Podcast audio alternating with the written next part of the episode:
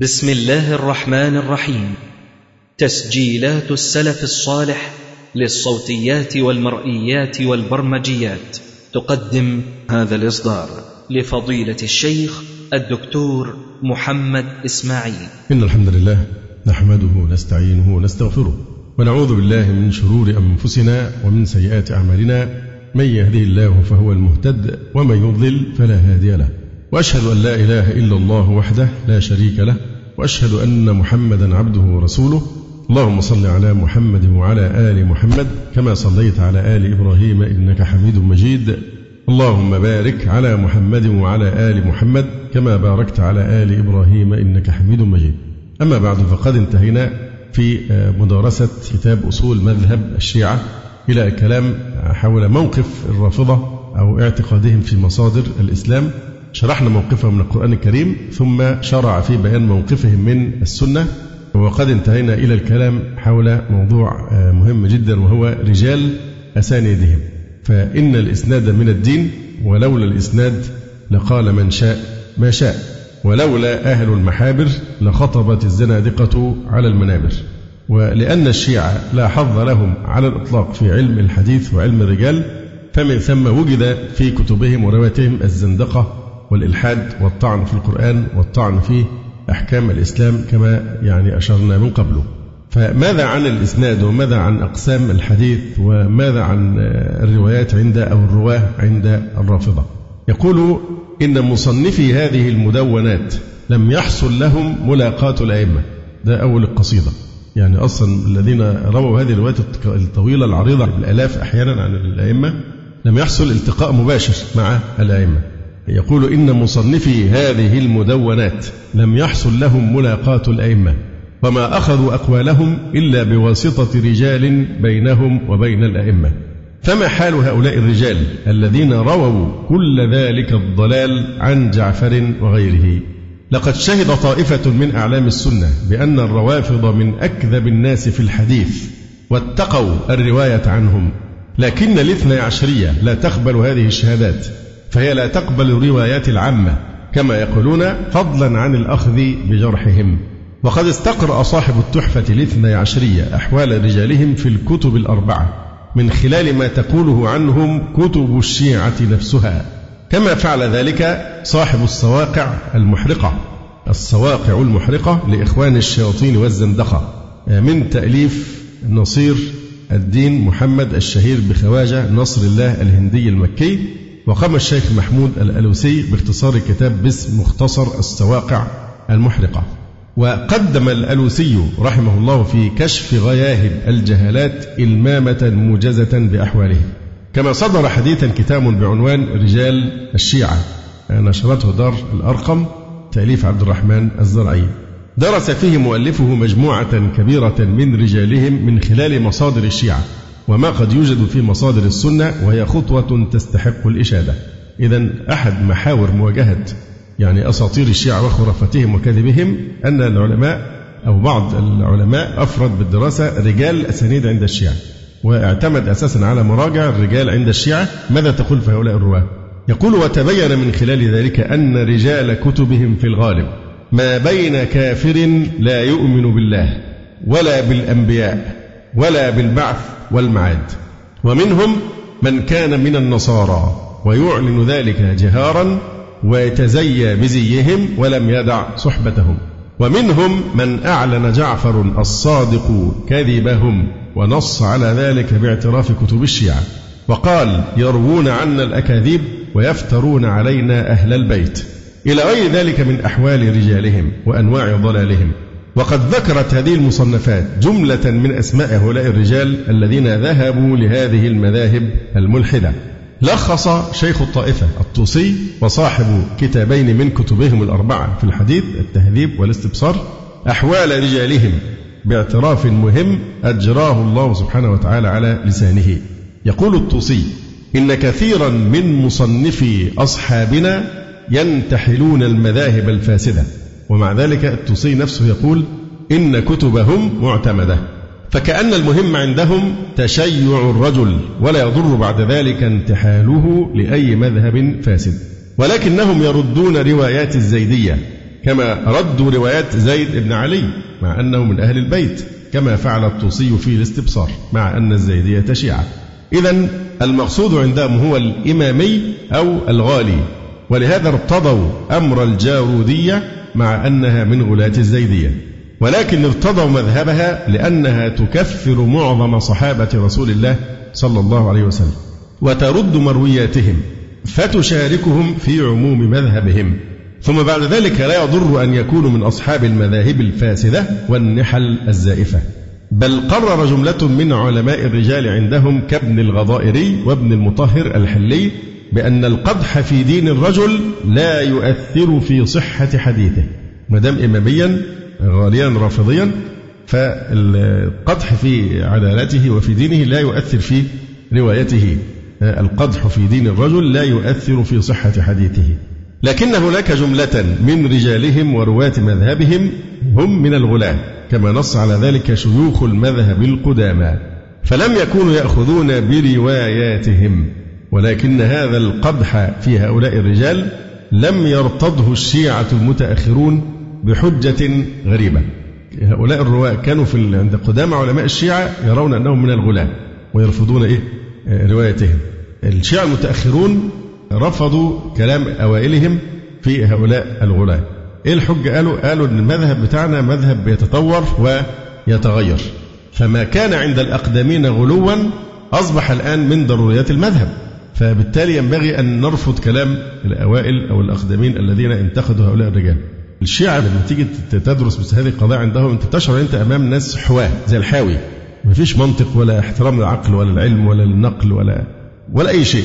هي أشبه ما يكون ببلطجة علمية بلطجة. هي هي كده. ما تحاولش تناقش. ويعملوا هم عايزينه. أي ولما يحرجوا جدا يبدأ على طول يفزع للإيه؟ للتقية فدين يعني لا يقف على عكازين حتى. مش على أقدام هو دين منهار من أساسه. كذلك برضو الحملات اللي بتحصل في الإعلام أحيانا بعض الناس ما زالوا يرتضون أن يكونوا لسان الشيعة المسموم في مصر. الذين ما زالوا يصرخون ويصيحون السلفيين دول بيفرقوا الأمة والمذهبية وكذا.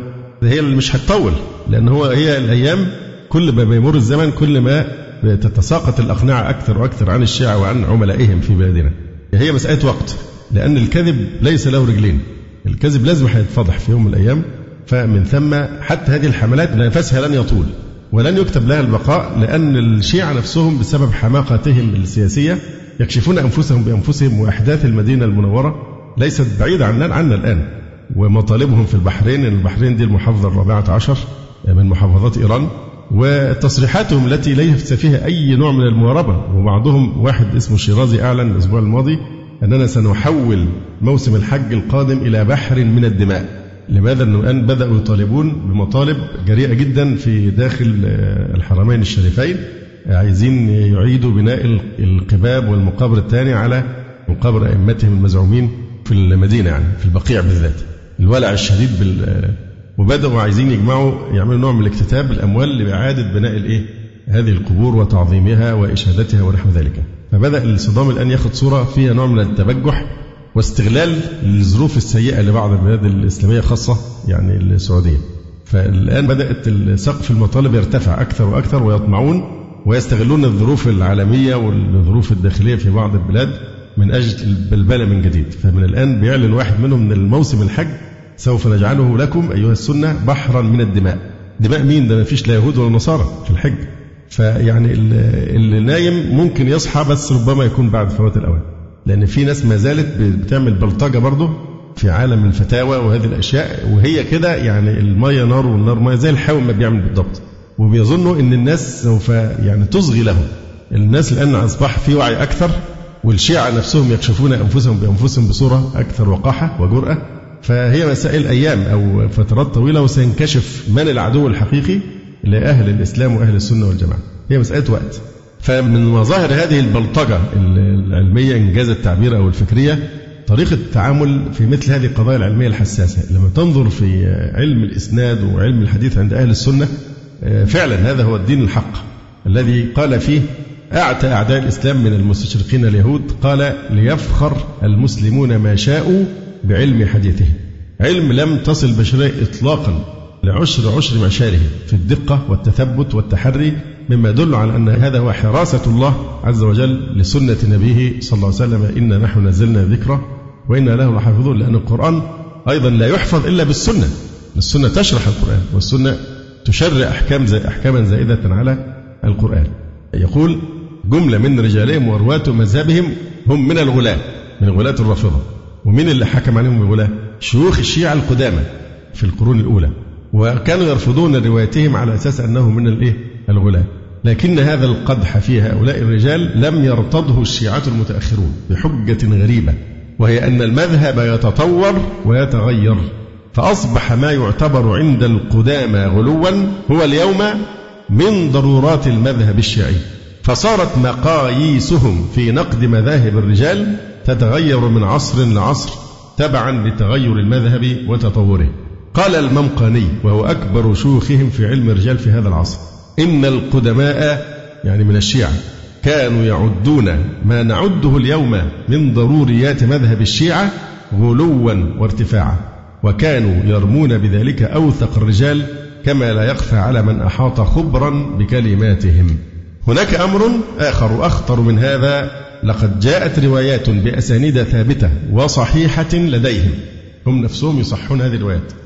جاءت روايات ثابتة وصحيحة لديهم تذم وتلعن مجموعة من الكذابين الذين قام الدين الشيعي على روايتهم تذمهم بأعيانهم بأسمائهم. فلم يقبل شيوخ الشيعة الذم الوارد فيهم. وطبعا لم يقبلوا ليه؟ لأن لو قبلوا هذا الذم فسيصبحون من أهل السنة ويتحرروا من آه، يعني شذوذ الروافض. وقد فزعوا إلى التقية لمواجهة هذا الذم. وهذا ليس له تفسير إلا رد قول الإمام من وجه خفي. لو أنتم بتقولوا الأئمة معصومين والأئمة يحكمون بكذب هؤلاء الوضاعين والدجالين والكذابين فالرد جاهز. إن الأئمة قالوا ذلك إيه؟ على سبيل التقية يقول وإذا كان منكر نص الإمام كافرا في المذهب الشيعي فهم خرجوا بهذا عن الدين رأسا لأنهم ردوا كلام أئمتهم في حكمهم على هؤلاء الإيه؟ الرواة بالوضع والكذب. وقد اعترف محمد رضا المظفر وهو من شيوخهم وآياتهم المعاصرين. اعترف بأن جل رواتهم قد ورد فيهم الذم من الأئمة يعني هذا شيء منهم.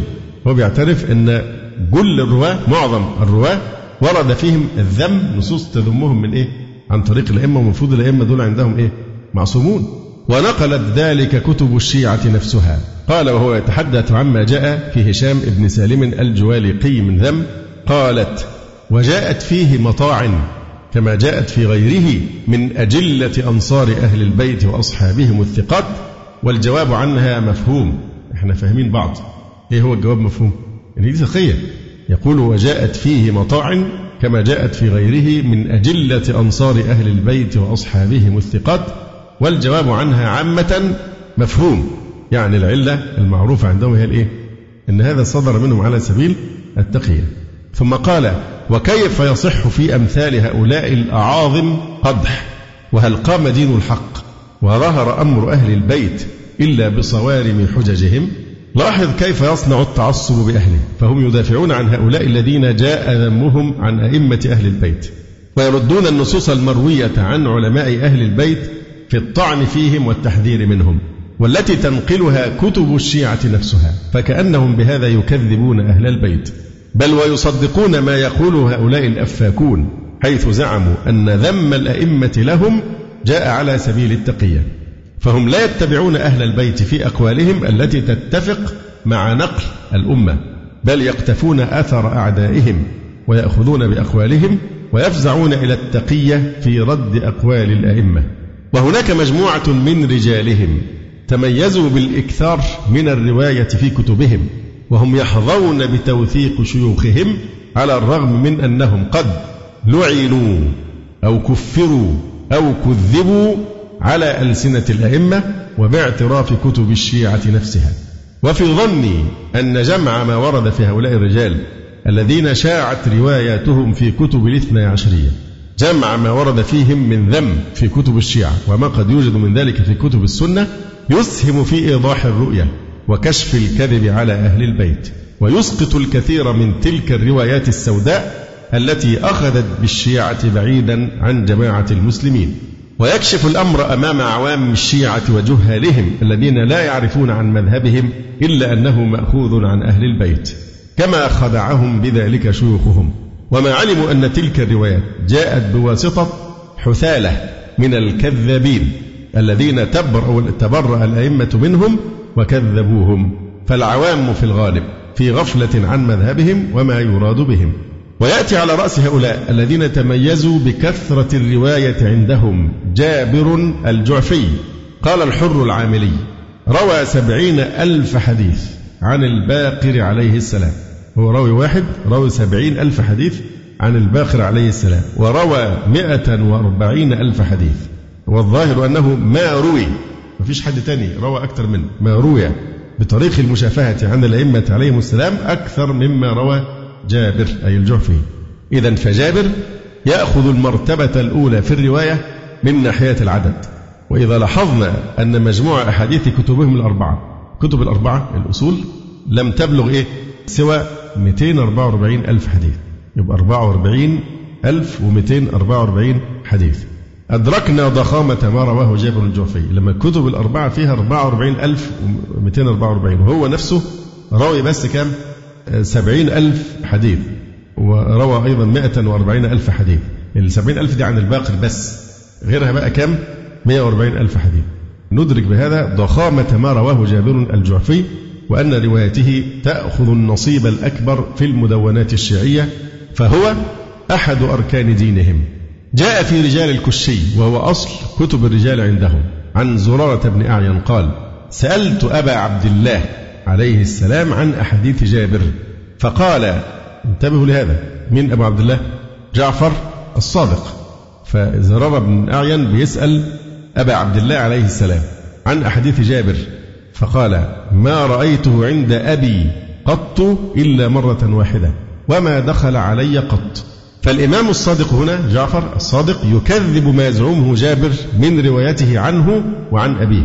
فكيف إذا يروي هذا العدد الضخم من الأحاديث عمن لم يلتقي به أو لم يلتقي به إلا مرة واحدة مع أنه في الروايات يصرح بالسماع والتحديث حدثني سألت سمعت فانت مرة واحدة وابنه جعفر الصادق لم يلقه قط. ثم يروي هذا الكم الهائل من الروايات. ولم يجد شيخهم الخوئي مخرجا من هذه الرواية التي تكذب جابرا إلا أن يفزع إلى التقية. فقال لا بد من حمله على نحو من التورية. لا بد من حمل الرواية دي اللي هي سألت أبا عبد الله عليه السلام عن أحاديث جابر فقال ما رأيته عند أبي قط إلا مرة واحدة وما دخل علي قط. يبقى نقول إيه؟ الخوئي شيخهم بيقول إيه؟ لابد من حمله على نحو من التورية. دي تقية. لأنه يرى أنه من ثقاتهم حيث يقول الذي ينبغي أن يقال إن الرجل لابد من عده من الثقات الأجلاء. هي كده لابد من عده من الثقات الأجلاء. واستشهد لذلك بتوثيق بعض شيوخهم له كابن قولويه وعلي بن إبراهيم والمفيد. ثم يقول ويقول الصادق في صحيحة زياد إنه كان يصدق علينا. وقد جاء في جامع الرواة الإشارة إلى أن هذه الرواية التي يصفها الخوئي بالصحيحة قد رويت عندهم بطريق مجهول وما أدري لما لم يؤول الرواية الأخرى ويأخذ بهذه الرواية بلا دليل. يعني في رواية أن هو دي الكلمة أنه كان يصدق علينا راويها مجهول. واحد تاني قال لنا صحيح. فهو انحاز للرواية التي تقول إنها إيه؟ صحيحة عنه. كما أن المفيد الذي يعتبره الخوئي ممن وثقه كان ينشد أشعارا كثيرة عنه يستدل بها على اختلاطه على اختلاط جابر الجعفي. كما أن النجاشي قال عنه عن جابر الجعفي وكان في نفسه مختلطا. يعني آه، عقله في اضطراب. وقال هاشم آه، معروف إن جابرا الجعفي من المتهمين عند أكثر المؤلفين في الرجال. وقال وهو يحكم على بعض رواياتهم في سند هذه الرواية صباح المزني وجابر الجعفي وهما ضعيفان. وقد ورد في جابر قدح ومدح والأكثر على أنه كان مخلطا. كما أن النجاشي وهو خبير رجالهم وصاحب أحد كتبهم الأربعة في الرجال. يبقى النجاشي توفي سنة 50 و400 بيقول إيه على جابر الجوفي؟ قل ما يورد عنه شيء في الحلال والحرام. نادر جدا ما يأتي عنه حديث في الحلال والحرام. لكن الخوئي واحد ثاني من علمائهم يقول فإن الروايات عنه في الكتب الأربعة كثيرة في الحلال والحرام. فهذا قد يشير إلى شيء آخر. يعني واحد بيقول قل ما يورد عنه شيء في الحلال والحرام والثاني بيقول الروايات عنه في الكتب الأربعة كثيرة في الحلال والحرام. هذا قد يشير إلى شيء آخر وهو إيه؟ أن الرجل بالإضافة إلى كذبه في نفسه قد كثر الذين يكذبون عليه. وهذا ما صرح به النجاشي في رجاله حيث قال روى عنه جماعة غمز فيهم وضعفوا منهم عمرو بن شمر ومفضل بن صالح. وقال هاشم معروف في ترجمة عمر بن شمر ضعفه المؤلفون في الرجال ونسبوا إليه أنه دس أحاديث في كتب جابر الجعفي وأنه كان يضع الأحاديث في كتب جابر الجعفي وينسبها إليه. فهذا جانب آخر يكشف كذب هذه الروايات الكثيرة المنتشرة في كتبهم عن جابر. كما جاء في روايتهم ما يثبت أن جابرا أحد المجانين وإن زعموا أنه افتعل ذلك خشية بطش الخليفة. يعني روايات أو الحكم بعض العلماء اللي قالوا أنه هو كان اختلط عقله اختلط. فدافعوا عن أن روايات الاختلاط بأنه إيه؟ ده هو كان بيمثل أنه مجنون عشان الخليفة لا يبطش به. كل شيء له الرد جاهز عندهم يعني. فادعوا أن جابرا افتعل ذلك خشية بطش الخليفة. كما صورته روايتهم بأنه واحد من أمهر السحرة والمشعوذين وإن لم تسمه بذلك. وإذا لاحظنا أن جابرا قد شاركت رواياته في كثير من أركان الكفر في المذهب الشيعي فهو الذي روى في الكافي أنه لم يجمع القرآن كله إلا الأئمة وسبق ذكر تفاصيل هذه الرواية. وهو أول من وضع التأويل الباطني في كتاب كما سبق أن تكلمنا عن التأويل الباطني. وجاء في روايتهم ما يشير إلى وجوب كتمان تلك التأويلات إلى غير ذلك مما أسهم به في تشييد الكفر والضلال كما أن روايته هي من أكبر الأدلة على كذبه وبهتانه. وقد شهد علماء السنة بأنه أحد الكذابين المفترين. قال الإمام أبو حنيفة رحمه الله ما رأيت أحدا أكذب من جابر الجعفي وقال ابن حبان كان سبئيا من أصحاب عبد الله بن سبأ وكان يقول إن عليا عليه السلام يرجع إلى الدنيا.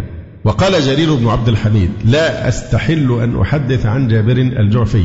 وقال هو كذاب يؤمن بالرجعة. وقال زائدة رافضي يشتم أصحاب رسول الله صلى الله عليه وسلم ورضي الله تعالى عنهم أجمعين. ومثل جابر الجعفي زرارة ابن أعين توفي سنة خمسين ومائة. وثقه شيوخهم كالطوسي والنجاشي وابن المطهر وغيرهم. واعتبروه أحد الرجال الستة من أصحاب أبي جعفر وأبي عبد الله الذين أجمعت العصابة على تصديقهم. وله روايات كثيرة في كتب الشيعة كما أن له إخوة وأبناء شاركوا في ذلك ولهذا قال الطوسي ولهم روايات كثيرة وأصول وتصانيف وذكر الخوئي مجموع رواياته في كتبهم الأربعة اللي هو زرارة ابن أعين. مجموع رواياته في الكتب الأربعة الأصول كام؟ يقول أن مجموع رواياته 2094 حديث. وقع بعنوان زرارة في إسناد الكثير من الروايات تبلغ 2490 موردا. فقد روى عن أبي جعفر عليه السلام وقعد جاب التفاصيل عن كل إمام روى آه، كام يعني حديث. هذا ما يقولون. بيقول لك هنا أنه روى عن أبي جعفر آه، وأبي عبد الله وروايته عنهما بهذا العنوان تبلغ 82 موردا. سفيان بن عيينة بيقول إيه بقى؟ ما رأى أبا جعفر؟ إن زرارة أصلا لم يرى أبا جعفر. ويقول سفيان بن عيينة حينما قيل له روى زرارة بن أعين عن أبي جعفر كتابا فرد عليه سفيان بن عيينة هو ما رأى أبا جعفر ولكنه كان يتتبع حديثه. وقد جاء في ميزان الاعتدال أن زرارة نسب لجعفر الصادق علم أهل الجنة وأهل النار. ادعى زرار هذا روى عن جعفر الصادق وكذب عليه إنه إيه بيقول ان هو يعلم أهل الجنة وأهل النار. وقال لابن السماك يعني آه، زرارة قال لابن السماك إذا لقيته إذا لقيت جعفرا الصادق فاسأله هل أنا من أهل النار أم من أهل الجنة؟ ولما بلغ ذلك جعفرا قال أخبره أنه من أهل النار فمن ادعى علي علم هذا فهو من أهلها. ده جعفر الصادق نفسه. يعني بقى قعد له يسأله شوف بقى هو عنده علم أهل الجنة وأهل النار روح اسأله. فلما راح الرجل ده آه، ابن السماك قال له الموضوع ده فرد عليه جعفر وقال له إيه؟ أخبره أنه من أهل النار. وبعد تسأله أنا من مين في الفريقين؟ فقال له قل له لأن مثلك من يكذب علي ويدعي أنني أعلم أهل الجنة وأهل النار فهو من أهل النار. قال أخبره أنه من أهل النار فمن ادعى علي علم هذا فهو من أهلها. غير أن بعض آياتهم وشيوخهم في هذا العصر يقول لم نجد أثرا مما نسبوه إلى كل من زرارة بن أعين ومحمد بن مسلم ومؤمن الطاق وأمثالهم مع أن قد استفرغنا الوسع والطاقة بالبحث عن ذلك وما هو إلا البغي والعدوان. يعني ما فيش لقناش أي دليل في كتب الرجال عندهم في, في ذم مين؟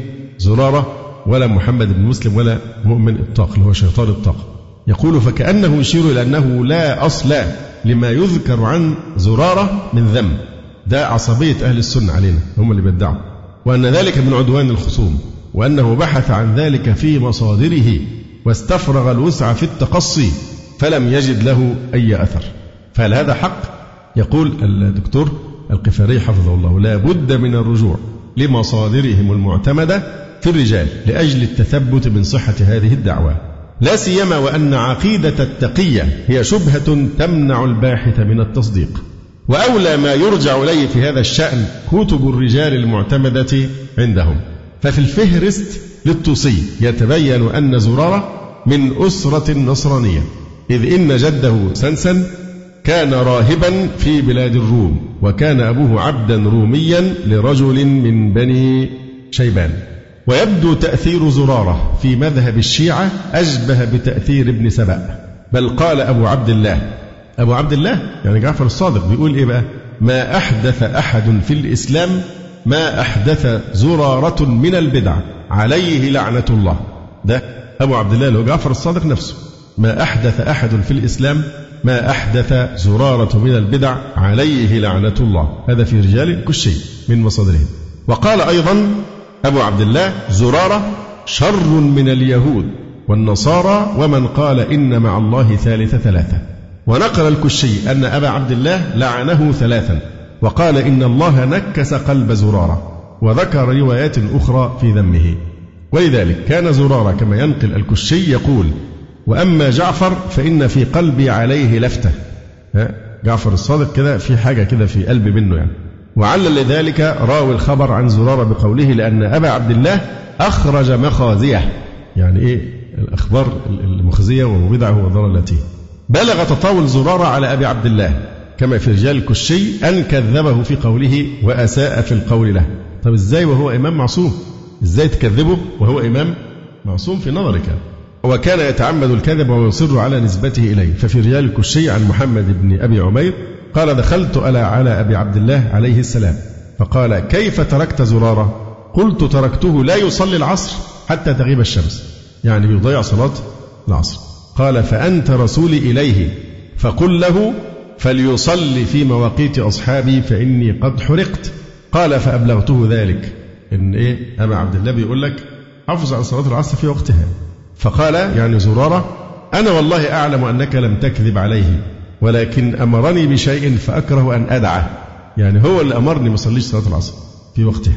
فلما الراجل وصل له هي القصة هي عن محمد بن أبي عمير قال دخلت على أبي عبد الله عليه السلام. فقال كيف تركت زرارة؟ إيه أخبار زرارة؟ قال تركته لا يصلي العصر حتى تغيب الشمس. قال فأنت رسولي إليه. فقل له فليصلي في مواقيت أصحابي فإني قد حرقت أو حرقت. قال فأبلغته ذلك. فقال أي زرارة؟ أنا والله أعلم أنك لم تكذب عليه ولكن أمرني بشيء فأكره أن أدعه. فهو يزعم أن جعفرا هو الذي أمره ألا يصلي العصر حتى تغيب الشمس. ولا شك أن جعفرا بريء من هذا الافتراء. فهذا هو زرارة كما تصفه كتب الشيعة نفسها. ومع ذلك يقول كبير شيوخهم في هذا العصر بأنه قد استفرغ الوسع والطاقة في البحث فلم يجد شيئا في ذمه. فهل يخفى عليه ذلك؟ أم أن في التقية متسعا لأن يقول ما شاء ولا أحد ينكر عليه؟ وكيف يذهب شيوخ الشيعة إلى توثيق زرارة مع هذا التجريح وهذا التكفير واللعن الذي صدر من المعصوم في اعتقادهم والذي يتفق في روايته الكشي وشيخ الطائفة الطوسي يجيب على ذلك شيخهم الحر العاملي فيقول روي أحاديث في ذمه. يعني في ذم زرارة. ينبغي حملها على التقية. بل يتعين. وكذا ما ورد في حق أمثاله من أجلاء الإمامية. ويحتجون لذلك بما يروونه عن محمد بن عبد الله ابن زرارة وابنيه الحسن والحسين عن عبد الله بن زرارة. قال قال لي أبو عبد الله جعفر الصادق اقرأ على والدك السلام. يعني حاجة الحقيقة دين دين محير جدا. والإنسان يعجب يعني كيف يمكن إنسان يقبل مثل هذا الدين؟ كله حيل وزي الحاوي وكذب ودجل وأساطير وخرافات وأحقاد. يعني ما الذي يعني يبشرون به في مثل هذا الدين؟ دين الحقد والخرافة. شوف هذه القصة بيدعوا أن محمد بن عبد الله بن زرارة. بيروي بقى عن مين؟ عن عبد الله ابن زرارة. بيقول إيه ابنه بقى؟ قال لي أبو عبد الله اقرأ على والدك السلام اللي هو زرارة. وقل له إنما أعيبك دفاعا مني عنك. الروايات بقى اللي أنا بلعنك بلعن يعني أباك فيها دي وبشتمه فيها دي أنا قصدي خير.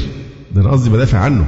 وقل له إنما أعيبك دفاعا مني عنك فإن الناس والعدو يسارعون إلى كل من قربناه وحمدنا مكانه لإدخال الأذى في من نحبه ونقربه فيذمونه لمحبتنا له وقربه ودنوه منا ويرون إدخال الأذى عليه وقتله. شوفوا اخترعوا إزاي توجيه للروايات اللي جاية عن جعفر الصادق في ذم مين ولعن وتكفير زرار شافوا لها مخرج برضه جابوا القصة دي. طب هو الرواية دي من بيحكيها؟ ابنه. وهو ابن تقبل شهادته في أبيه هو بيدافع عن أبيه فهو متهم في مثل هذه الرواية. فجعفر الصادق بيقول ده أنا الروايات اللي بذمك فيها دي أنا بحميك بدافع عنك لأن إحنا أي حد نثني عليه أو نحبه أو نقربه أعدائنا بإيه؟ بيؤذوه ويقاتلونه ويضطهدونه. فأنا أريد أن أحميك بهذه الروايات. فهنا مخرج ثاني غير التقية بقى أو ربما هي برضه التقية. إن الهدف حمايته وليس ذمه على الحقيقة. يحتجون بهذا ولا يلتفتون إلى أن رواية الابن مجروحة لأنه يدافع عن أبيه. ثم لو كان ذلك الذم تقية هل التقية تصل إلى حد اللعن والتكفير؟ ثم إن جعفرا كان في عصره محل الإجلال والتكريم فكيف يهان من يحبه ويقربه؟ كيف؟ لأن علماء أهل السنة وأئمة السنة كانوا يعظمون جعفرا ويحبونه ويجلونه فكيف أن أي حد هو يثني عليه يروح يؤذوه؟ هذا كلام لا أصل له. وإذا كانت التقية من جعفر للدفاع عن زرارة فلماذا يفتري زرارة عليه بأنه أمره ألا يصلي العصر إلا بعد غروب الشمس ويكذبه ويسيء إليه؟ هي دي كمان هتبقى تقية؟ ولذلك حاول شيخهم أن يتخلص من روايات ذم زرارة في كتبهم بحمل قسم منها على التقية. حل تاني بقى. فقال لك أن جزء من الروايات دي على التقية والجزء الآخر أسانيده ضعيفة وقد لاحظت أن طعنه في بعض رجال تلك الروايات لا يستقيم مع ما جاء عنه في كتب الرجال عندهم. فهو مثلا قد رد روايات في ذم زرارة بحجة أن فيها جبرائيل بن أحمد وهو كما يقول مجهول. في حين أنه ليس بمجهول عندهم لأنه كما يقول الأردبيلي كان مقيما بكش كثير الرواية عن العلماء بالعراق وقم وخراسان ثم إنه قام بالطعن في روايات الذم فقط. يعني الطعن من حيث الإسناد عملية انتقائية بقى مش منهج علمي. الروايات بتاعت زرارة الروايات اللي فيها ذم زرارة اللي فيها ذم بيطعن فيها في حيث الإسناد. اللي فيها مدح يقبلها. يقول ثم إنه قام بالطعن في روايات الذم فقط وأهمل النظر في روايات المدح وهذا تحيز ظاهر. ولكن شيوخهم يجرون هذا الحكم في كل رجل ذمه الأئمة. وارتضى شيوخهم أخباره. مثل أحمد ابن محمد المروزي. قال الحر العملي روى الكشي وغيره فيه مدحا وذما ولعل وجه الذم يأتي في زرارة. هنشرح بعدين لما يجي وقت ترجمة زرارة كيف نوجه رواية الذم. نوجهها إزاي؟ بأن تحمل على التقية كل ما يترجموا الواحد ويبقى فيه إشكال من روايات الشيعة في رواية مدح وقطح يحيلوه على مين؟ سوف نصنع به ما صنعنا في زرارة. فده بالنسبة لأحمد بن محمد المروزي. الكشي قال إيه؟ قال الحر العملي. روى الكشي وغيره فيه مدحا وذما ولعل وجه الذم يأتي في زرارة. يعني بأن يحمل الذم على أنه كان تقيا إسماعيل بن جابر الجعفي قال الحر العملي وفيه ذم يسير. ضعيف السند والدلالة. ويأتي وجهه في زرارة. يبقى نحمل الذم أيضا على التقية مثلا بريد ابن معاوية العجلي قال الحر العملي وجه من وجوه أصحابنا ثقة فقيه وعده الكشي من أصحاب الإجماع يعني الذين أجمعت الشيعة على تصحيح روايتهم. وفيه بعض الذم يأتي الوجه في مثله في زرارة. حريز ابن عبد الله السجستاني قال الحر العملي كوفي ثقة وفيه مدح وفيه ذم محمول على التقية لما يأتي في زرارة. لا شك بأن أمر التقية في مثل هذه الحالات ليس بمؤكد فكان أقل الأحوال أن يتوقف في هؤلاء. وإذا كان شيوخ الشيعة لم يقبلوا ما قيل في رواتهم من قبل أهل السنة لأنهم خصوم على حد زعمهم فإنهم أيضا لم يقبلوا ما ورد عن أئمتهم وادعوا أنه صدر منهم مجاملة ومصانعة لأهل السنة. فضاعت الحقيقة حينئذ وقام مذهب الشيعة على أهواء الشيوخ والرواة الكذبة. ينتقل بعد ذلك لمسألة مهمة جدا وهي مسألة أقسام الحديث عند الشيعة. يقول ومع تأخر التأليف عندهم في علم الرجال واشتماله على ما لا يغني في بيان الحال فإن القارئ لكتب الشيعة المتأخرة كمرآة العقول للمجلسي والمعاصرة مثل الشافي في شرح أصول الكافي يجد أنهم يذكرون أحيانا أن هذا الحديث صحيح وذاك ضعيف وإن كانوا لا يلتزمون هذا في الكثير من مصنفاتهم.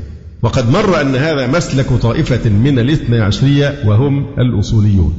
والعهد بالشيعة أنهم لا بصر لهم بهذه الأمور ولا معرفة لهم بهذا الشأن وقد شنع عليهم أهل السنة لجهلهم بذلك.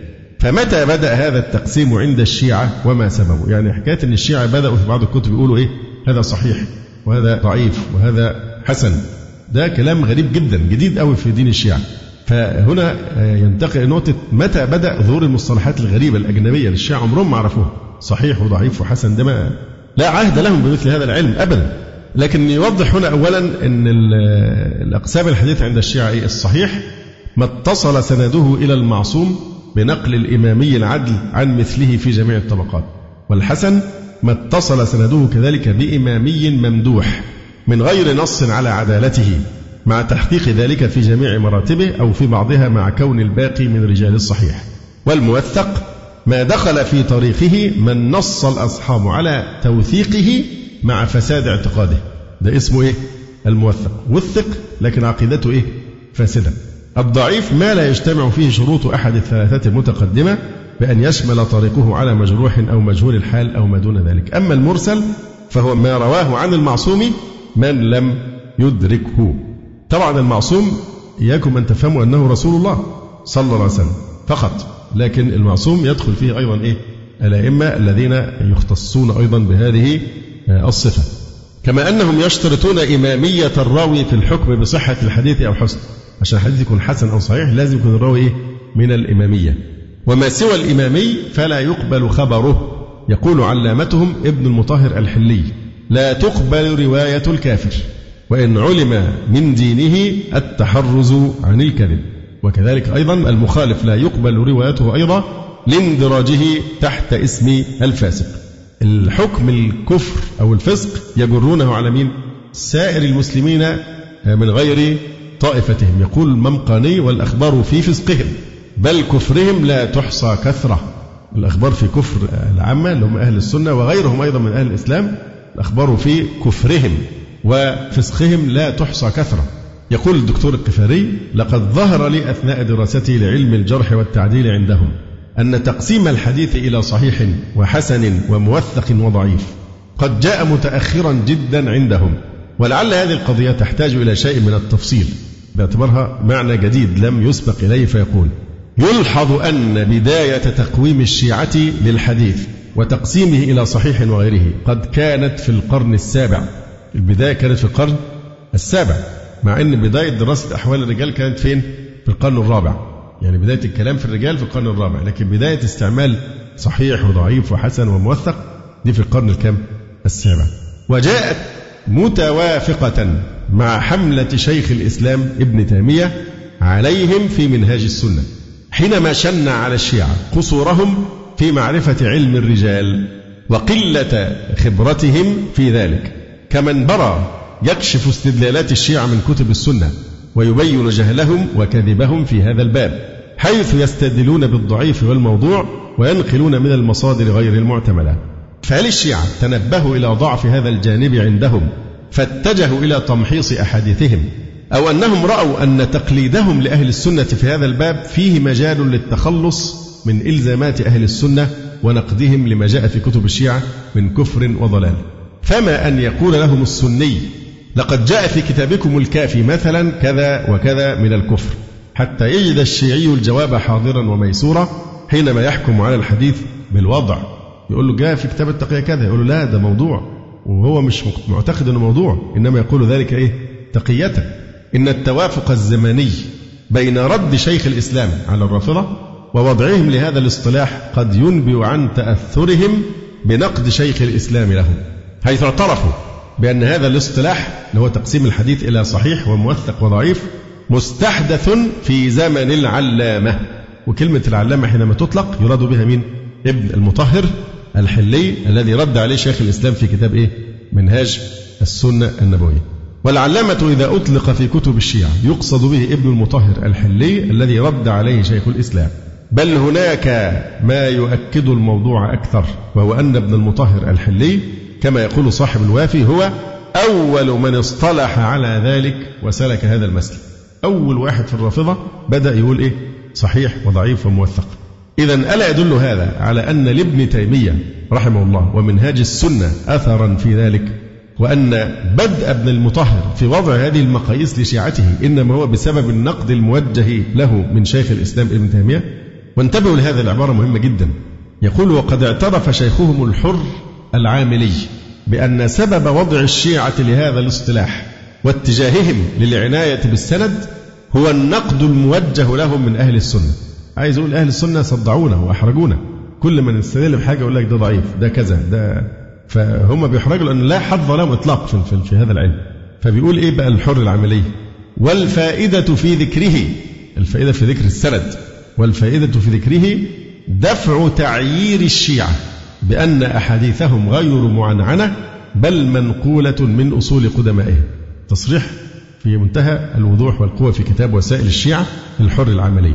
الفائدة في ذكره ليه بنكتب الأسانيد؟ دفع تعيير الشيعة. يعني دفع تعيير أهل السنة لمين؟ للشيعة. بأن أحاديثهم غير معنعنة بل منقولة من أصول قدمائهم. إذا إيه اللي هي مشكلة لما يكلفوا يحطوا بقى عنعنة. يعنعن زي ما هو عايز. وكأن هذا النص الخطير يفيد أيضا أن الإسناد عندهم غير موجود وأن روايتهم كانت بلا زمام ولا خطام حتى شنع الناس عليهم بذلك فاتجهوا حينئذ لذكر الإسناد.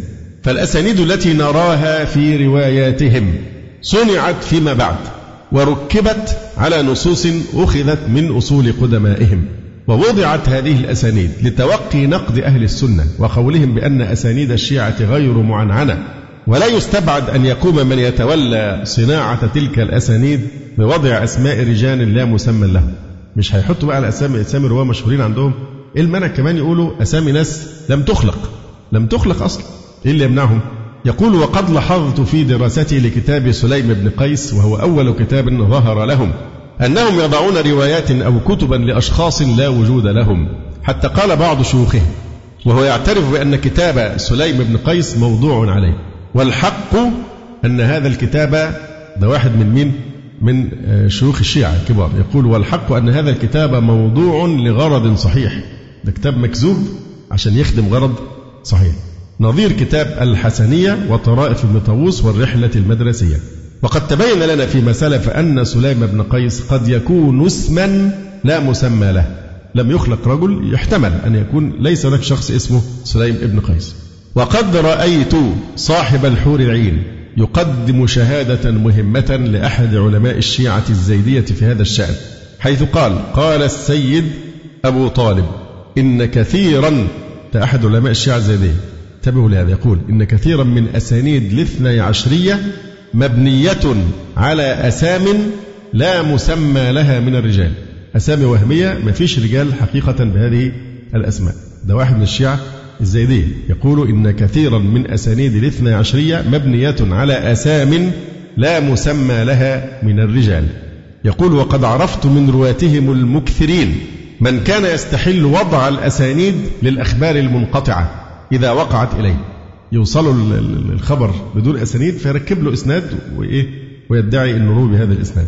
وحكي عن بعضهم أنه كان يجمع روايات بزر جمهر ده تقريبا من ملوك الفرس وينسبها للأئمة بأسانيد يضعها عبارات فيها نوع من الحكمة. يعني أو هو حكيم فارسي والله أعلم. كان يجمع روايات بزر جمهر وطبعا فارسية فهم بيعزوا التراث الفارسي أوي. وينسبها للأئمة بأسانيد يضعها فقيل له في ذلك فقال ألحق الحكمة بأهلها. بزر جمهر ده أو جمهر بيقول حكم قديمة فبيروح واخد الحكم بتاعت هذا الرجل الفارسي الحكيم الفارسي ويروح إيه مركب لها إسناد وينسبها إلى فواحد قال له يعني إيه اللي بتعمله؟ قال له ألحق الحكمة باهلها أهل البيت دول أهل الحكمة. فأولى ان إحنا نخلي الحكمة صدرت منهم إيه؟ هم يعني. وقد ذكروا أن من رجالهم حيدر بن محمد بن نعيم السمرقندي. قالوا بأنه روى جميع مصنفات الشيعة وأصولهم وروى ألف كتاب من كتب الشيعة. ولو كان هذا واقعا لانتشر ذكره في كتب الرجال والتاريخ ولكني لم أجد له أي ذكر أو إشارة. ومما يؤيد هذا وأنه لا سند لهم في الحقيقة. النص التالي الذي جاء في أصح كتبهم حيث قالوا إن مشايخنا رووا عن أبي جعفر وأبي عبد الله عليهما السلام وكانت التقية شديدة فكتموا كتبهم ولم تروا عنهم. فلما ماتوا صارت الكتب إلينا. ولما سألوا إمامهم عن ذلك قال حدثوا بها فإنها حق. إيه دلالة هذا التصريح الخطير دلالته انقطاع السند فيش إسناد خالص. لا يوجد إسناد إطلاقا. ومن يضمن لهم ولا سيما في ظروف الخوف والتقية التي تشير إليها هذه الرواية من يضمن ألا تكون هذه الكتب التي صارت إليهم من وضع زنديق ملحد أراد إضلال الشيعة وإبعادهم عن حظيرة الجماعة بنسبة روايات تلك الكتب إلى بعض أهل البيت. وليس هذا ببعيد. ومما يثبت ذلك كثرة النصوص عندهم. والتي تتناول أقدس ما عند المسلمين وهو كتاب الله سبحانه وتعالى بالطعن مما لا يوجد عند طائفة من طوائف الضلال والكفر إلا عند هذه الطائفة. ويؤكد شيخهم الحر العاملي أن الاصطلاح الجديد اللي هو تقسيم الحديث إلى إيه؟ صحيح وغيره. والذي وضعه ابن مطهر هو محاولة لتقليد أهل السنة يقول الحر العملي والاصطلاح الجديد موافق لاعتقاد العامة واصطلاحهم بل هو مأخوذ من كتبهم كما هو ظاهر بالتتبع. وهذا يفيد تأخر الشيعة في الاهتمام بهذه القضية وأن الدافع لذلك ليس هو الوصول إلى صحة الحديث بقدر ما هو توقي نقد الخصوم أو نقد المذهب من قبل الخصوم والدفاع عنه. ولذلك جاء علم الجرح والتعديل عندهم مليئا بالتناقضات والاختلافات حتى قال شيخهم الفيض الكاشاني يقول في الجرح والتعديل وشرايطهما. اختلافات وتناقضات واشتباهات لا تكاد ترتفع بما تطمئن إليه النفوس كما لا يخفى على الخبير بها. بيعترف بوجود التناقض في كتب الجرح. وهذه الاعترافات الخطيرة من الكاشاني والحر العاملي لم تظهر إلا في ظل الخلاف الذي دار ويدور بين الإخباريين والأصوليين. يعني زي اللصوص لما بإيه؟ بيختلفوا الحقيقة بتظهر. والذي كما نلاحظ ارتفعت فيه التقية لا سيما وأن في الشيعة كما يقول الكافي خصلتين النزق وقلة الكتمان النزق اللي هي الطيش وقلة الكتمان.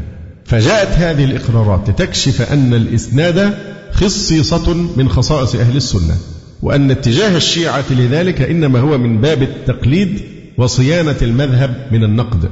وكان وضع هذا الاصطلاح على يد ابن المطهر الذي حظي بنقد قوي من شيخ الإسلام ابن تيمية مما يدل على أثر ذلك في الشيعة. وقد صار هذا الاصطلاح مثل عقيدة التقية يتسترون به على غلوهم فإذا وجه إليهم نقد ادعوا أن في روايتهم الصحيح وغيره كما تلحظ هذه الظاهرة في كتابات ثلة من شيوخهم المعاصرين. ومنهج التصحيح والتضعيف الذي وضعه المتأخرون منهم إن طبقوه يعني مع كل بقى كل هذا البلاء الموضوعات اللي اتكلمنا فيها دي. ومع ذلك حتى منهج التصحيح والتضعيف اللي هو منهج منحاز وليس فيه رائحة العلم ولا الأمانة ولا الصدق. ومع ذلك لو طبقوه لم يبق لهم من حديثهم إلا القليل. سينهار دينهم إلا قليل. ده لو طبقنا منهج إيه؟ المنهج الهزيل اللي هم وضعوه مؤخرا في الفرق بين الصحيح والضعيف. من الذي صرح بهذا؟ صرح بهذا شيخهم البحراني المتوفى سنة 1186 هجرية. بيقول إيه؟ بيعترف طبعا بصورة آه، خطيرة جدا عن العجز. بيقول هذه الأخبار حاجة من اثنين يا تقبلوها زي ما هي كده يا دينكم ده سينهار. لن يبقى له عين ولا أثر. فطبعا لن يختاروا انهيار الدين. فشوف الكلمة هنا بيقولها شيخهم يوسف البحراني. بيقول إيه؟ والواجب إما الأخذ بهذه الأخبار مع إن قواعد الجرح والتعديل بت إيه؟ بتضعف والواجب إما الأخذ بهذه الأخبار كما هو عليه متقدم علمائنا الأبرار أو تحصيل دين غير هذا الدين وشريعة أخرى غير هذه الشريعة لنقصانها وعدم تمامها لعدم الدليل على جملة من أحكامها. ولا أراهم يلتزمون شيئا من الأمرين مع أنه لا ثالث لهما في البين وهذا بحمد الله ظاهر لكل ناظر غير متعسف ولا مكابر. وهذا في لؤلؤة البحرين صفحة 47 يا شيخ يوسف البحراني يقول الواجب إما الأخذ بهذه الأخبار ضعيفة كما هو عليه متقدم علمائنا الأبرار نقلدهم أو تحصيل دين غير هذا الدين لأنه لن يبقى شيء من الدين. لو قلنا بقى صحيح وضعيف وثقة وكذاب ومش عارف هينتهي الدين مش هيبقى لهم أي شيء. وتبقى الشريعة ناقصة فدوروا لكم بقى على دين تاني. لو عايزين تطبقوا إيه؟ هذه القواعد. والواجب إما الأخذ بهذه الأخبار كما هو عليه متقدم علمائنا الأبرار أو تحصيل دين غير هذا الدين وشريعة أخرى غير هذه الشريعة لنقصانها وعدم تمامها لعدم الدليل على جملة من أحكامها. فهذا نص مهم يكشف حقيقة أخبارهم في ضوء علم الجرح والتعديل الخاص بهم. يعني إيه؟ ورهبانية ابتدعوها ما كتبناها عليه. فما رعوها؟ حق رعايتها ده أنتم اخترعتوا قواعد الجرح والتعديل المزيفة دي ومع ذلك لم تحترموها. لأنكم إذا طبقتموها لن يبقى لكم دين حقيقة كلام في القضية بتاعت هذه هذه الليلة كلام مهم جدا. لأن هي مشكلة الشيعة كلهم في أن هذه الأخبار. تجد الكلام الذي نذكره هذه الليلة هو يجيب لنا عن تساؤلات محيرة. يعني هل يكون هذا دين الإسلام؟ طعن في القرآن تكفير الصحابة الحقد الكذب الدجل الخرافات الأساطير عبادة الموتى عصمة الأئمة الرجعة البداء. كل الضلالات دي كلها آه، هل ممكن يكون لها أصل في الدين؟ فإذا عرفنا أنه لا إسناد لهم عرفنا أن هذه من وضع هؤلاء الكذابين الدجالين وبالتالي ينهار فعلا هذا الدين بلا شك. لو طبقوا قواعد علم الجرح والتعديل التي اخترعوها هم مع ضعفها لانهار معظم آه، دينهم كما رأينا. يقول فهذا نص مهم يكشف حقيقة أخبارهم في ضوء علم الجرح والتعديل الخاص بهم. وأنهم لو استخدموه بدقة لسقطت معظم رواياتهم. وليس لهم إلا الأخذ برواياتهم دون تفتيش كما فعل قدماؤهم. وقبولها بأكاذيبها وأساطيرها أو البحث عن مذهب سوى مذهب الشيعة لأن مذهبهم ناقص لا يفي بمتطلبات الحياة. وإذا أخذنا هذا الاعتراف ووضعناه مع إقرارهم الذي جاء في أخبارهم هم أقروا بأنهم كانوا لا يعرفون مناسك الحج والحلال والحرام حتى جاء أبو جعفر. وأنه في عهد أبي جعفر وابنه كثر الكذابون على الأئمة. تكاملت الصورة في أن معظم روايتهم مكذوبة. ولو طبق علم الجرح والتعديل لانكشف أمرها بذلك وظلوا كما كانوا قبل أبي جعفر. لا يعرفون الكثير من أمور دينهم إلا عن طريق كتب المسلمين. ولكن يبدو أنهم لم يلتزموا بتطبيق هذه الأصول التي وضعوها. فتراهم مثلا يحكمون بصحة كتاب نهج البلاغة. حتى قال أحد شيوخهم المعاصرين إن الشيعة على كثرة فرقهم واختلافها متفقون متسالمون على أن ما في نهج البلاغة هو من كلام أمير المؤمنين رضي الله عنه اعتمادا على رواية الشريف ودرايته ووثاقته. حتى كاد أن يكون إنكار نسبة هذا الكتاب إلى علي رضي الله عنه عندهم من إنكار الضروريات وجحد البديهيات إلا من شذ وأن في جميع ما فيه من الخطب والكتب والوصايا والحكم والآداب حاله كحال ما يروى عن النبي صلى الله عليه وسلم. شوفوا الغلو.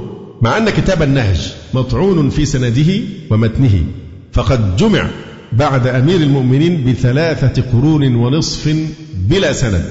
وقد نسبت الشيعة تأليف نهج البلاغة إلى الشريف الرضي وهو غير مقبول عند المحدثين. لو أسند لو جاب إسناد مش مقبول خصوصا فيما يوافق بدعته. فكيف إذا لم يسند كما فعل في نهج البلاغة؟ وأما المتهم عند المحدثين عند المحدثين بوضع النهج فهو أخوه علي.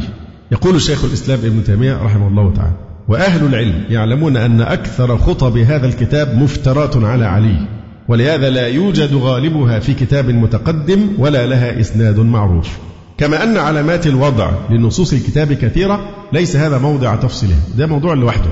بيان تزوير كتاب نقد البلاغة وعدم صحة نسبته إلى أمير المؤمنين رضي الله تعالى عنه. والغرض هنا أن الشيعة يشترطون في الحكم بالصحة اتصال السند. فأين اتصال السند هنا؟ وأصل وضع الكتاب أو دونه بعد 350 سنة. من عصر علي رضي الله تعالى عنه. ومن قديم كان شيوخهم لا يعملون بمقاييس الصحة والضعف التي وضعوها بأنفسهم فما راه حق رعايته. قال الحر العاملي عن شيخهم الطوسي إنه يقول هذا ضعيف لأن راويه فلانا ضعيف ثم نراه يعمل برواية ذلك الراوي بعينه بل برواية من هو أضعف منه في مواضع لا تحصى. وكثيرا ما يضاعف الحديث بأنه مرسل ثم يستدل بالحديث المرسل بل كثيرا ما يعمل بالمراسيل وبرواية الضعفاء ويرد المسند ورواية الثقات. وإذا كان شيخهم البحراني المتوفى سنة ست وثمانين ومائة وألف يقرر أن تطبيق منهجهم في الجرح والتعديل على ما فيه يلغي الكثير من أحاديثهم كما مر. فإن شيخهم الأردبيلي المتوفى سنة إحدى ومائة وألف يؤلف كتابه جامع الرواة. ويدعي دعوى في غاية الغرابة حيث زعم وهو في القرن الحادي عشر أنه بتأليفه لكتابه المذكور تتغير أحكامه في اثني عشر ألف حديث عن الأئمة في العصور الأولى. تتغير من القول بضعفها أو إرسالها أو جهالتها إلى القول بصحتها بقدرة قادر. هي كده. بيقول إن الكتاب بتاعه اللي هو بيسميه جامع الرواة مع أنه هو في القرن الكام؟ الحادي عشر. هو توفي سنة 1101 يعني يعتبر كمان بالعكس ده في أوائل القرن الكام؟ الثاني عشر. بيقول إنه بتأليف هذا الكتاب تتغير أحكامه في 12 ألف حديث عن الأئمة. في القرن ال11 12 ألف حديث الأحكام اللي فيها هتتغير بسبب تأليف هذا الكتاب. تتغير من القول بضعفها أو إرسالها أو جهالتها إلى القول بصحتها حيث قال. يقول هنا بقى إيه؟ بسبب نسختي هذه يمكن أن يصير قريبا من اثني عشر ألف حديث أو أكثر من الأخبار التي كانت بحسب المشهور بين علمائنا رضوان الله عليهم مجهولة أو ضعيفة أو مرسلة معلومة الحال وصحيحة هتصبح إيه؟ تنقلب إلى صحيحة لعناية الله تعالى وتوجه سيدنا محمد وآله الطاهرين ويستدل بهذا القول صاحب فصل الخطاب على أنه لا مانع يا جماعة مش كان بيتكلم على موضوع التحريف الراجل الخبيث ده اللي هو بتاع فصل الخطاب في إثبات تحريف كتاب رب الأرباب فجايب كلام هذا الرجل الأردبيلي فبيقول لا مانع بقى بناء على هذا الكلام إن الأحاديث اللي بتاعت روايات التحريف تكون ضعيفة في في الأول عند الأولين وصحيحة عند الإيه؟ المتأخرين. لعب لعب هذا ما هو دين ويطعنون في أقدس مقدسات الإسلام كتاب الله تبارك وتعالى والمعجزة الخالدة لرسول الله صلى الله عليه وسلم. فيستدل صاحب فصل الخطاب على أنه لا مانع من أن تصبح أحاديث التحريف ضعيفة عند قدمائهم لعدم علمهم بطرق صحتها فتتحول عندهم إلى صحيحة. ونجد شيخهم المجلسي في كتابه مرآة العقول يضاعف جملة من أحاديث الكافي مع أنه يقول فإننا لا نحتاج إلى سند لهذه الأصول الأربعة وإذا أوردنا سندا فليس إلا للتيمن والتبرك والاقتداء بسنة السلف. وهذا تناقض غريب. منين أنت بتضاعف أحاديث في الكافي ومنين بتقول إن إحنا جايبين السند للتبرك بس؟ لكن إحنا مش محتاجين ننظر في السند. ولكن شيخهم هاشم معروف يرى أن اتصاف هذا المقدار من مرويات الكافي بالضعف اللي هي حوالي 9485 حديث ضعيف. لا يعني عدم جواز الاعتماد عليها في أمور الدين. وذلك لأن وصف الرواية بالضعف من حيث سندها لا يمنع من قوتها من ناحية ثانية كوجودها في أحد الأصول الأربعمائة. ما دامت موجودة في أحد الأصول الأربعمائة يبقى مش مهم السند حتى لو ضعيف. أو في بعض الكتب المعتبرة أو لكونها معمولا بها عند العلماء. وقد نص أكثر الفقهاء أن الرواية الضعيفة إذا اشتهر العمل بها والاعتماد عليها تصبح كغيرها من الرواية الصحيحة. وربما تترجح عليها في مقام التعارض بقدرة قدر. ولهذا قال شيخهم الشعراني كما مر بأن أسانيد الكافي وإن كان أكثرها ضعيفا فإن مضامينها صحيحة. ويلحظ أن هذا معه ما قبله محاولة للتخلص من تطبيق مبادئ الجرح والتعديل التي وضعها لهم ابن المطهر في القرن السابع وانتهت بهم إلى سقوط كثير من رواياتهم كما كشف ذلك شيخهم البحراني. فطفقوا يبحثون عما يسند روايتهم بأي قرينة وإلا فما معنى وجودها في كتاب معتبر؟ وهل هناك أكثر اعتبارا عندهم من الكافي؟ المعروض على مهديهم واللي قال فيه المهدي بتاعهم إيه؟ كاف لشيعتهم عشان كده سموه الكافي. أما قوله كوجودها في أحد الأصول الأربعمائة اللي هي تركزت بعد ذلك عصارتها فين؟ في الكتب الأربعة. فإن شيوخهم يقولون بأن الكتب الأربعة وغيرها من كتبهم المعتمدة كالخصال والأمالي ومدينة العلم منقولة من الأصول الأربعمائة. فكيف يجعلون علامة صحة أخبارهم عن الأئمة في الكافي؟ وجودها في أحد الأصول والكافي برمته منقول منها كما يزعمون. يعني هو بيقولوا إيه؟ علامة صحة أخبارهم عن الأئمة في كتاب الكافي إنها جاية من كتب مين؟ الأربعمائة. والكتب الأربعمائة دي هي اللي اتخذ منها كتاب الإيه؟ الكافي. فهذا بيسمى إيه بقى في علم الكلام والحاجات دي؟ الدور. يعني الأصول الأربعة هي اللي جابت الكافي والكافي متاخد من إيه؟ من الأصول. فكيف يجعلون علامة صحة أخبارهم عن الأئمة في الكافي وجودها في أحد الأصول؟ والكافي برمته منقول منها. هذا تناقض. آه، هنا ينتقل إلى نقطة مهمة جدا وهي تقويم حال الأئمة الذين تدعي فيهم الشيعة كل تلك الدعاوى. الملاحظ أن روايات الشيعة في كتبها كلها منسوبة إلى الأئمة الاثنى عشر ومعظمها مروي عن جعفر الصادق وقليل منها بل نادر ولا يكاد يوجد إلا بكلفة. مروي عن رسول الله صلى الله عليه وسلم. بل أشار شيخهم الحر العاملي إلى أنهم يتجنبون رواية ما يرفع إلى النبي خشية أن يكون من روايات أهل السنة. يتجنبوا رواية أي حديث مرفوع للرسول عليه السلام خشية أن يكون من إيه؟ من رواية أهل السنة. فخاصموا سنة النبي عليه الصلاة والسلام ولذلك الحديث المرفوع عندهم إلى الرسول عليه وسلم قليلة جدا. فهل يصح أن يقال في سنتهم هذه إنها سنة محمد عليه الصلاة والسلام؟ ويجي الدجالين والكذابين والمرتزقة ويقولوا إحنا بنجتمع على كتاب والسنة. لا الكتاب اجتمعنا عليه ولا السنة هي ليست سنة الرسول عليه السلام إطلاقا. إذا هذه الطائفة لا تعتني بحديث رسول الله صلى الله عليه وسلم ومعرفة صحيحه من سقيمه والبحث عن معانيه ولا تعتني بآثار الصحابة والتابعين حتى تعرف مآخذهم ومسالكهم وترد ما تنازعوا فيه إلى الله والرسول صلى الله عليه وسلم. بل عمدتها ما تزعم روايته عن بعض أهل البيت وليس كل أهل البيت. فقد رد الطوسي روايات زيد بن علي بن الحسين. الطوسي رد رواياته وكفر هؤلاء جملة من أهل البيت. لا لشيء إلا لأنهم لم يصدقوا بدعوى إمامة الاثنى عشر. فردوا إيه؟ روايتهم مع أنهم من أهل البيت. ويا ليتهم أخذوا بما يقوله أمير المؤمنين علي رضي الله عنه. أو قنعوا بمراسيل التابعين كعلي بن الحسين. بل يأتون إلى من تأخر زمانه كالعسكريين. فيقولون كل ما قاله واحد من أولئك فالنبي قد قاله. وكل من له عقل يعلم أن العسكريين بمنزلة أمثالهما ممن كان في زمانهما من الهاشميين. ليس عندهم من العلم ما يمتازون به عن غيرهم ويحتاج إليهم في أهل العلم. ولكان أهل العلم يأخذون عنهم كما يأخذون عن علماء زمانهم.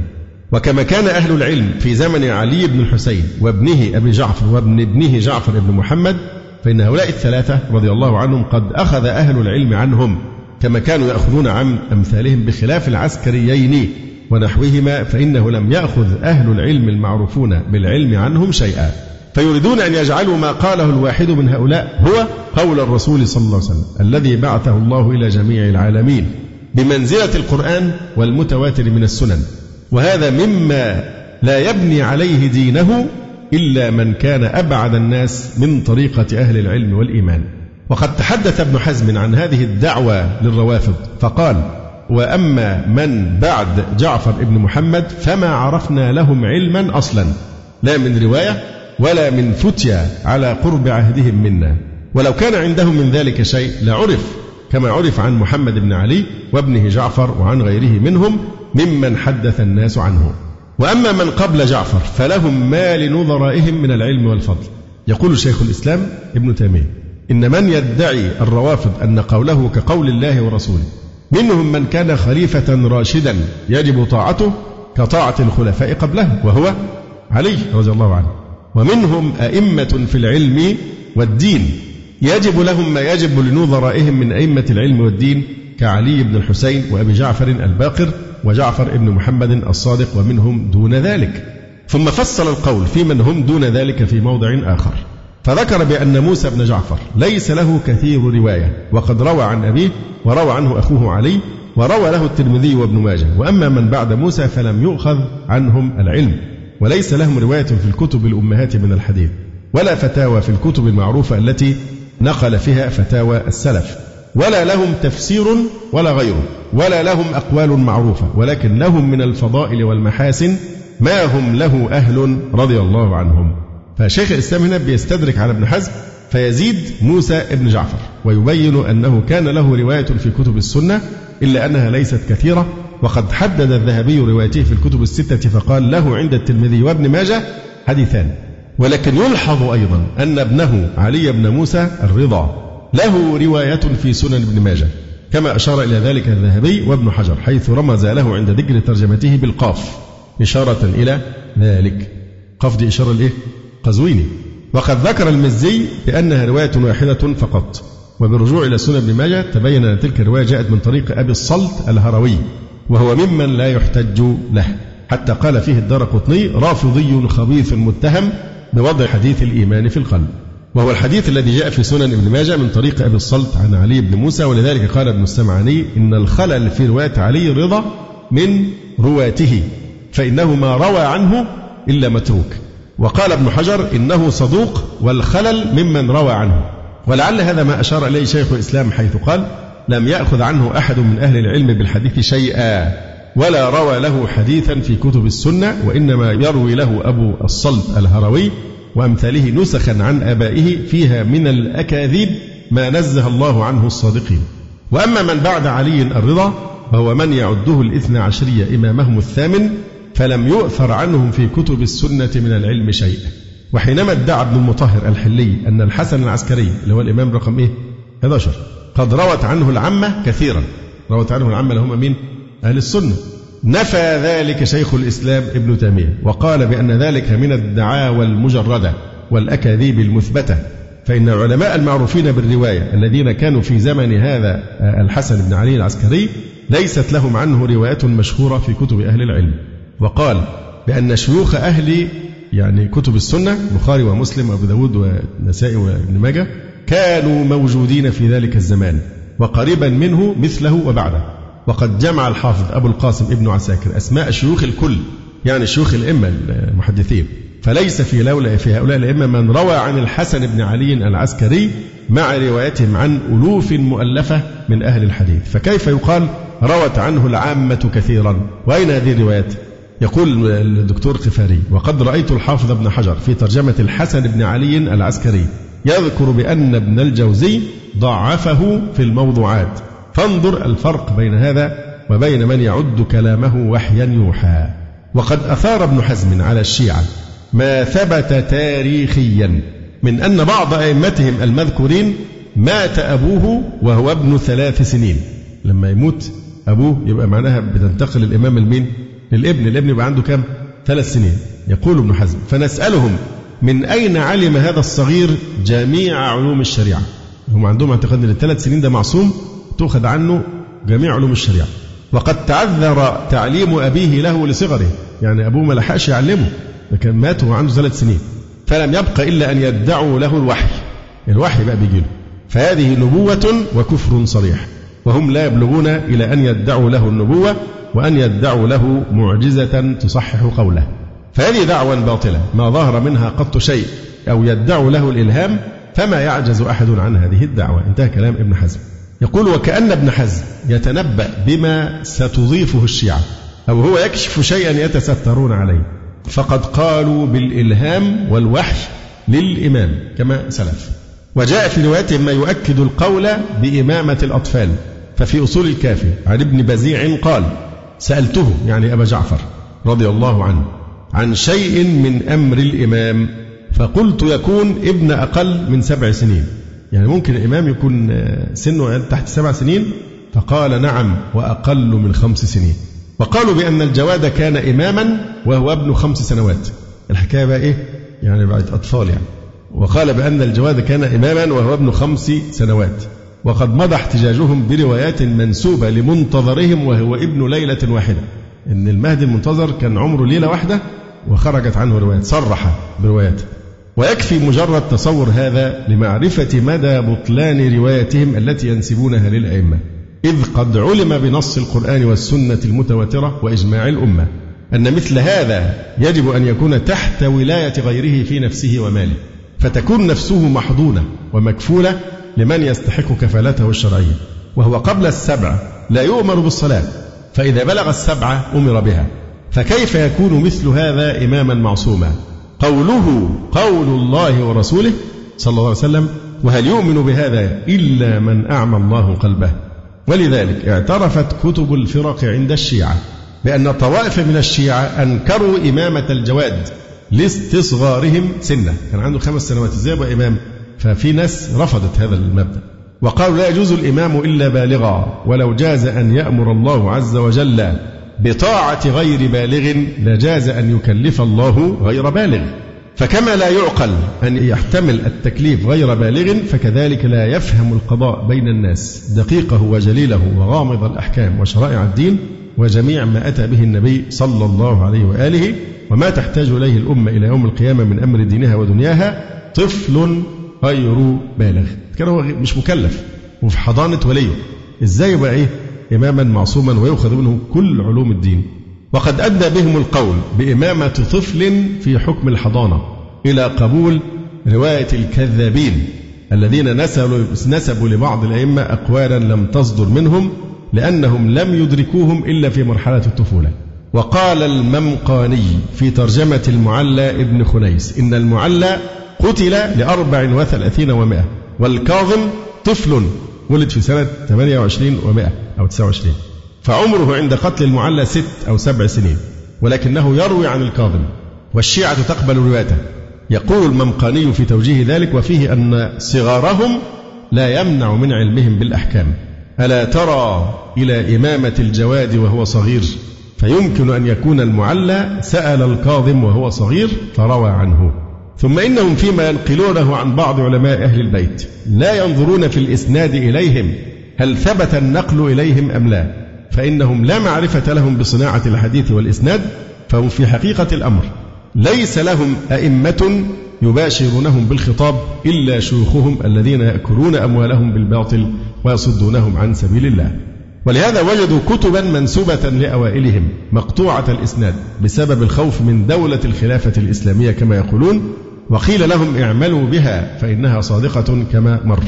وكان شيوخهم يقبلون بما جاء في هذه الكتب بلا تمحيص حتى إذا جاء القرن السابع بدأ ابن المطهر بتقسيم الحديث عندهم إلى صحيح وغيره. وفي القرن العاشر ألف أول كتاب عندهم في مصطلح الحديث.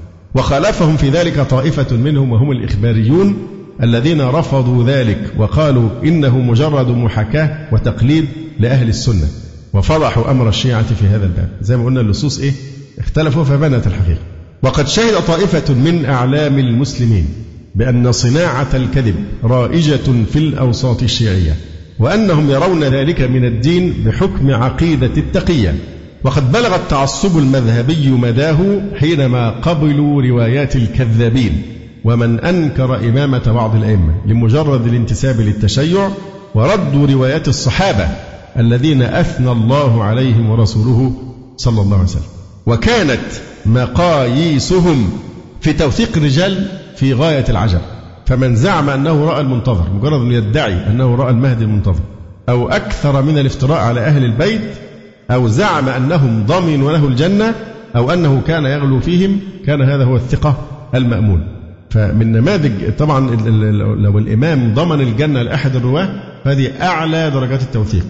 يقول من نماذج هذه التوثيقات ما جاء في ترجمة إبراهيم ابن أبي محمود والذي قال عنه الكشي بأنه روى عنه أحمد بن محمد بن عيسى ما سئل موسى رضي الله عنه موسى الكاظم قدر 25 ورقة وعاش بعد الرضا.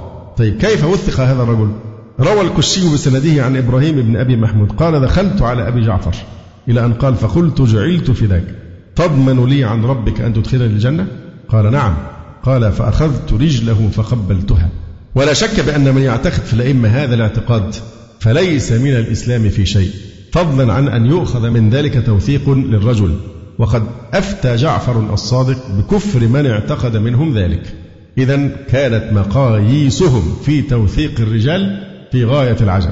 فمن زعم أنه رأى المنتظر أو أكثر من الافتراء على أهل البيت أو زعم أنهم ضمنوا له الجنة أو أنه كان يغلو فيهم هو الثقة المأمون. فكيف يجعل الكذب أصلا للتوثيق والتعديل؟ وإذا تدبرت رجال السند على ضوء كتب الرجال عندهم رأيت أن كبارهم والمكثرين من الرواية عندهم قد نالوا من ذم الأئمة وحاق بهم لعنهم. وكان الأئمة يتبرؤون منهم ويكذبونهم وقد نقلت ذلك كتب الشيعة نفسها.